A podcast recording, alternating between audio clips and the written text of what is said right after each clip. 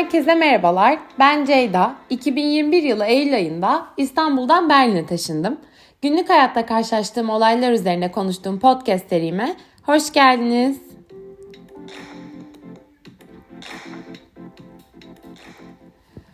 Şöyle bir muhabbet olur. Ee, küçükken 20 yaşlarındaki insanlar bana hep çok büyük artık yetişkin gelirdi ama ben kendim hala çocuk gibiyim diye. Ben de artık dolu dolu 26 hatta neredeyse 27 yaşındayım. Ama kendime hiç yetişkin gibi gelmiyorum.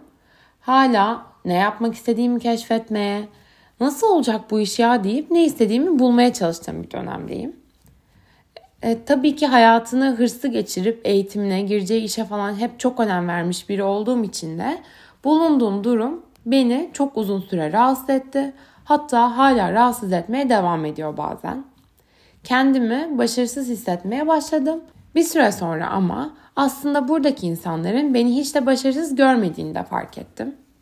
O yüzden bugün bu bölümde iki kültür arasındaki başarı algısı farkından konuşmak istiyorum. Konumuz Türkiye'de ve Almanya'da başarı algısı. Şimdi Türkiye'de malumunuz imkanı olan neredeyse herkesin gelecek planları birbirine çok benzer. İyi bir üniversiteye girilir, uzatmadan bitirilir. Tabi her bölüm başarılı sayılmaz. Mühendis olsanız en iyisi. Genelde puanın tuttuğu en iyi yere göre girersin. Bölüme bile bakmadan yaparsın tercihlerini. Ama üniversiteye girmek de yetmez. O yüzden yaz ve kış tatillerinde gerekli stajlar yapılır.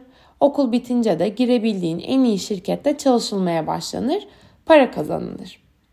Hemen herkes aynı şirketlere girmek ister ve başarında şirketinin bilinirliği ve kazandığın paranın fazlalığıyla ölçülür.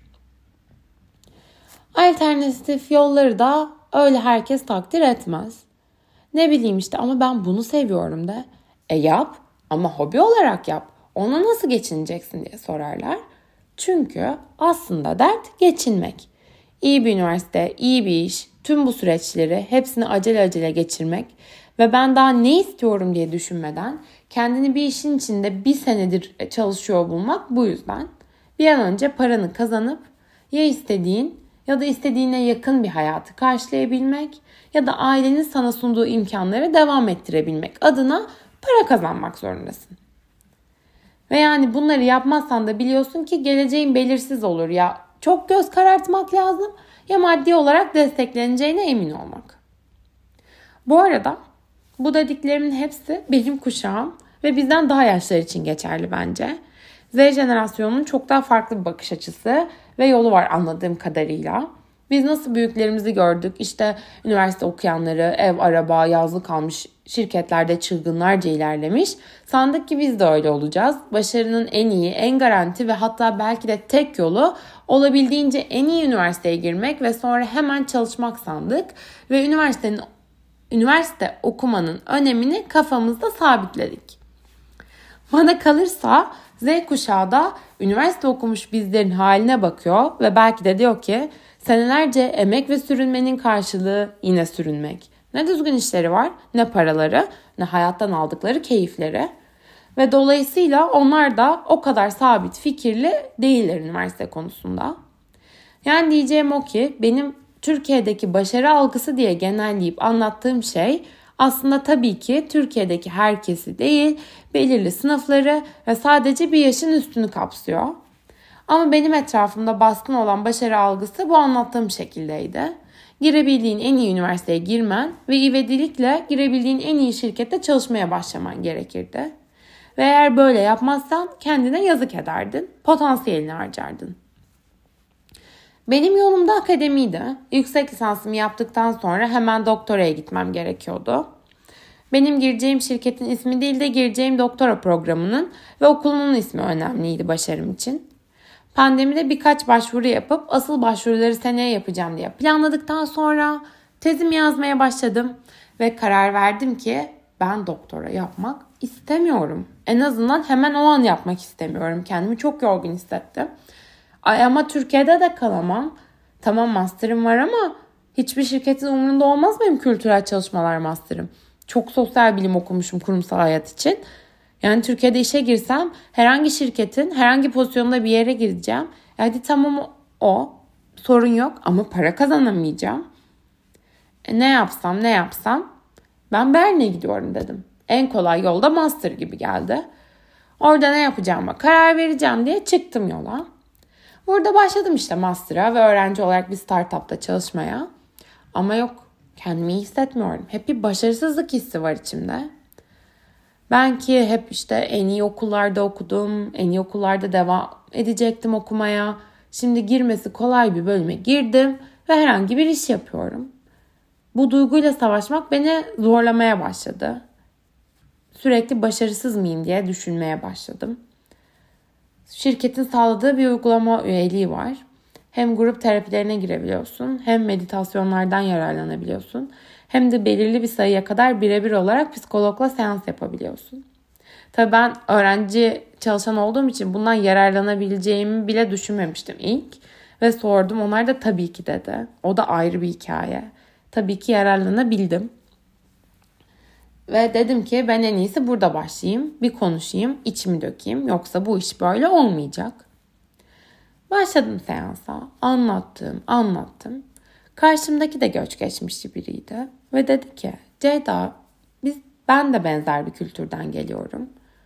Ama farkında mısın? Burada kimse senin ya da benim eski düşündüğüm gibi düşünmüyor.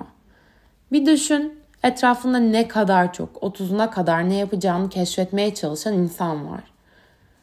Belki de hiçbir kendisini başarısız kabul etmiyor ve tam tersi çok mutludurlar dedi.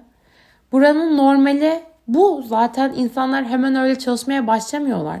Kendilerine, kendilerine ve istediklerini keşfetmek için zaman tanıyorlar dedi.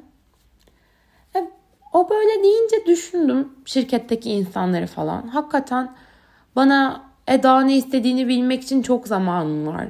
Zaten çok gençsin. Ben üniversiteden sonra bir sene Asya'daydım.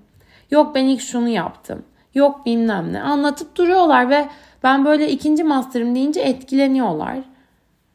Sonra devam etti psikologum. Dedi ki ama bak istediğin anda hemen yurt dışına çıkabilecek kadar bir birikimin ya da kabiliyetin var.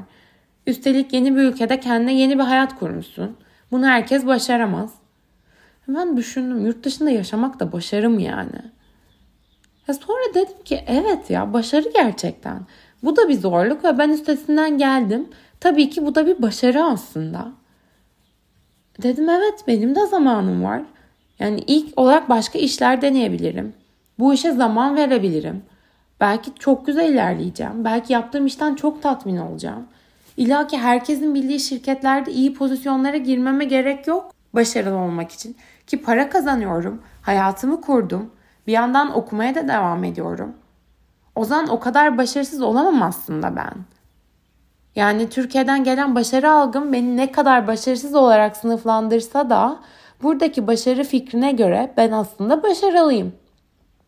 Yani dedim ya tekrar master yapıyorum bir yandan çalışıyorum işimi iyi yapıyorum üstüne kendi podcast'im var ve kendime yeni baştan bir hayat kuruyorum. Ve bunlar burada başarılı olmama yetiyor aslında. Yani buradaki insanların Türkiye'ye kıyasla çok daha az geçim derdi olduğundan diye sanıyorum. Bu kadar tek düze ve standartlaşmış başarılı algıları yok. Ve ben de artık burada yaşayan biri olarak kendimi bu algıya alıştırmaya çalışıyorum. Çünkü içinde büyüdüğüm ve Türkiye'den getirdiklerimle burada aslında bakarsanız tam olarak mutlu olamıyorum. Kendimi başarısız hissetmeye başlıyorum. Ve aslında o hırslara kendi hayatımda gerek de duymuyorum artık. Tabii ki kariyerinde çok başarılı olan insanları çok takdir etme şüphesiz bir şekilde de devam ediyorum ama kendime daha fazla zaman ve alan tanımaya çalışıyorum kariyerim açısından. Ve illaki kariyerimin çok iyi olması zorunluluğu diye bir gerçek olmadığını da kabul ettim. Kabul ettim diyorum ama tabii ki bu bir süreç. Öyle kolay da olmuyor her zaman. Ama bir yandan da insanın omuzlarından büyük bir yük de alıyor kendine zaman tanıma lüksü. Benim yaşadığım iki ülke arasındaki başarı algısı arasındaki farklar üzerine söyleyebileceklerim bu kadar. Umarım dinlemekten keyif almışsınızdır. Takipte kalın.